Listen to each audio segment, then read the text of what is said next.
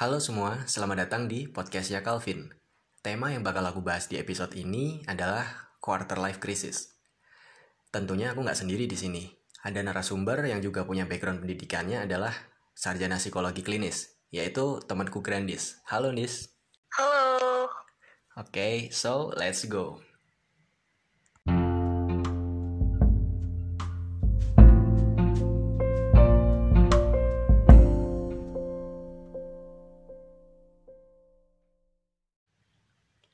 Sebenarnya quarter life crisis ini adalah suatu fase di mana seseorang memiliki kecemasan terhadap masa depannya. Ya, misal pekerjaan, asmara, hubungan dengan orang lain, atau mungkin keuangan. Nah, fenomena ini sangat sering terjadi di kalangan milenial, yaitu kisaran umur 20 tahunan lah. Nah, gini nih, Des. Kamu kan punya background pendidikan psikologi klinis nih. Nah, menurutmu apa sih ciri orang itu bisa dikatakan mulai ngalamin fase quarter life crisis ini? Jadi gini Vin, orang yang ngalamin quarter life crisis itu dia mulai mempertanyakan tujuan hidupnya. Mm -hmm. Terus merasa tidak ada kemajuan hidup, jadi merasa kayak hidupku kok gini-gini aja. Stuck gitu ya. Terus, ha -ha, mm -hmm. terus dia juga merasa tidak ada pencapaian yang bisa dia banggakan hmm, terus yeah. tertekan dengan lingkungan sekitar. Dan yang paling mendominasi sih sebenarnya adalah overthinking sama insecure. Itu yang sebenarnya bikin kita cemas khawatir akan masa depan gitu. Iya sih yang terakhir ini uh, aku ngerasa kayak gitu. Jadi aku ngelihat postingan temen ya atau ngelihat temen lah udah misalnya udah uh, udah mapan udah kerja udah berkeluarga mungkin. Aku ngerasa kayak yeah ih aku kok cuman gini aja ya temanku udah kayak gitu. Nah habis itu kan jadi overthinking kan kita jadi mikirin terus aduh aku kapan nih? Aku bisa nggak ya kayak dia? Kayak gitu itu ya overthinking ya. Terus gini nih Des. Kamu kan pasti pernah kan ngalami fase ini kan secara kan kita usianya 20 tahunan ke atas nih. Nah apa aja sih usahamu buat ngatasin fase quarter life crisis ini? Secara kan kamu pasti punya ilmunya kan?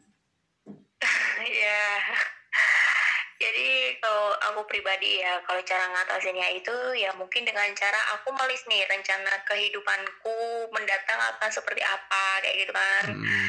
Terus berhenti untuk membanding-bandingkan diriku dengan orang lain kayak gitu kan terus mm -hmm. mencari hobi baru mm. lebih mengenali potensi diri yang aku punya kayak gitu terus mm. uh, lebih menjauhkan diri dari pikiran emosi dan lingkungan negatif gitu yang toksik toksik gitu loh pokoknya mm. jauhin aja yeah. terus sama fokus ngembangin diri dan meraih keinginan yang mungkin ingin kita capai kayak gitu dan hmm. tentunya tetap bersyukur atas pencapaian apa yang udah aku capai sampai saat ini gitu Vin. Nah ini penting sih eh, kita juga penting kan harus menghargai diri kita sendiri kita udah bisa oh, kayak gini banget. itu kita harus menghargai sendiri ya. Uh, uh, terus iya, menurutmu banget. gini nih uh, perlu nggak sih kita ke psikolog gitu atau tenaga profesional gitu kalau misalnya kita lagi ngalamin fase ini? Kalau bagiku emang itu sangat penting sih ketika emang udah bener-bener kayak kita ngerasa apa ya udah bener-bener stres berat kayak gitu ya udah mikirin oh, overthinkingnya udah berlebihan banget kayak gitu mm-hmm. itu emang lebih baik langsung pergi ke psikolog atau tenaga profesional kayak gitu karena kalau nggak kayak gitu bisa makin ke mana-mana nanti jatuhnya oh, malah iya. bahaya kan iya, gitu iya, karena sekarang udah nggak zamannya lagi lah uh, takut buat ke psikolog, psikiater kayak gitu yeah. karena orang yang ke psikolog dan psikiater tuh nggak selamanya dianggap gila atau Nggak. apa pun uh -uh. kayak gitu loh dan kita juga harus mulai peduli ya sama kesehatan mental kita sendiri ya nah harus lebih aware ya kan sama mm -hmm. kesehatan mental kita sendiri gitu jadi kesimpulannya adalah quarter life crisis ini dapat membuat kita jadi sering merasa insecure dan juga overthinking. Sebaiknya kita udah saatnya untuk mencoba buat selalu menghargai pencapaian diri kita sendiri. Dan kalau perlu, konsultasi ke tenaga profesional, dalam hal ini psikolog. Karena itu sekarang bukan merupakan hal yang tabu.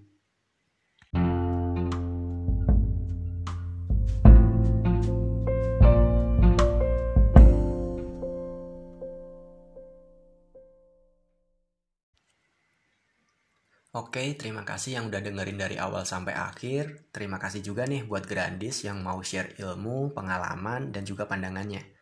Jaga kesehatan selalu, dan Calvin pamit. Have a nice day.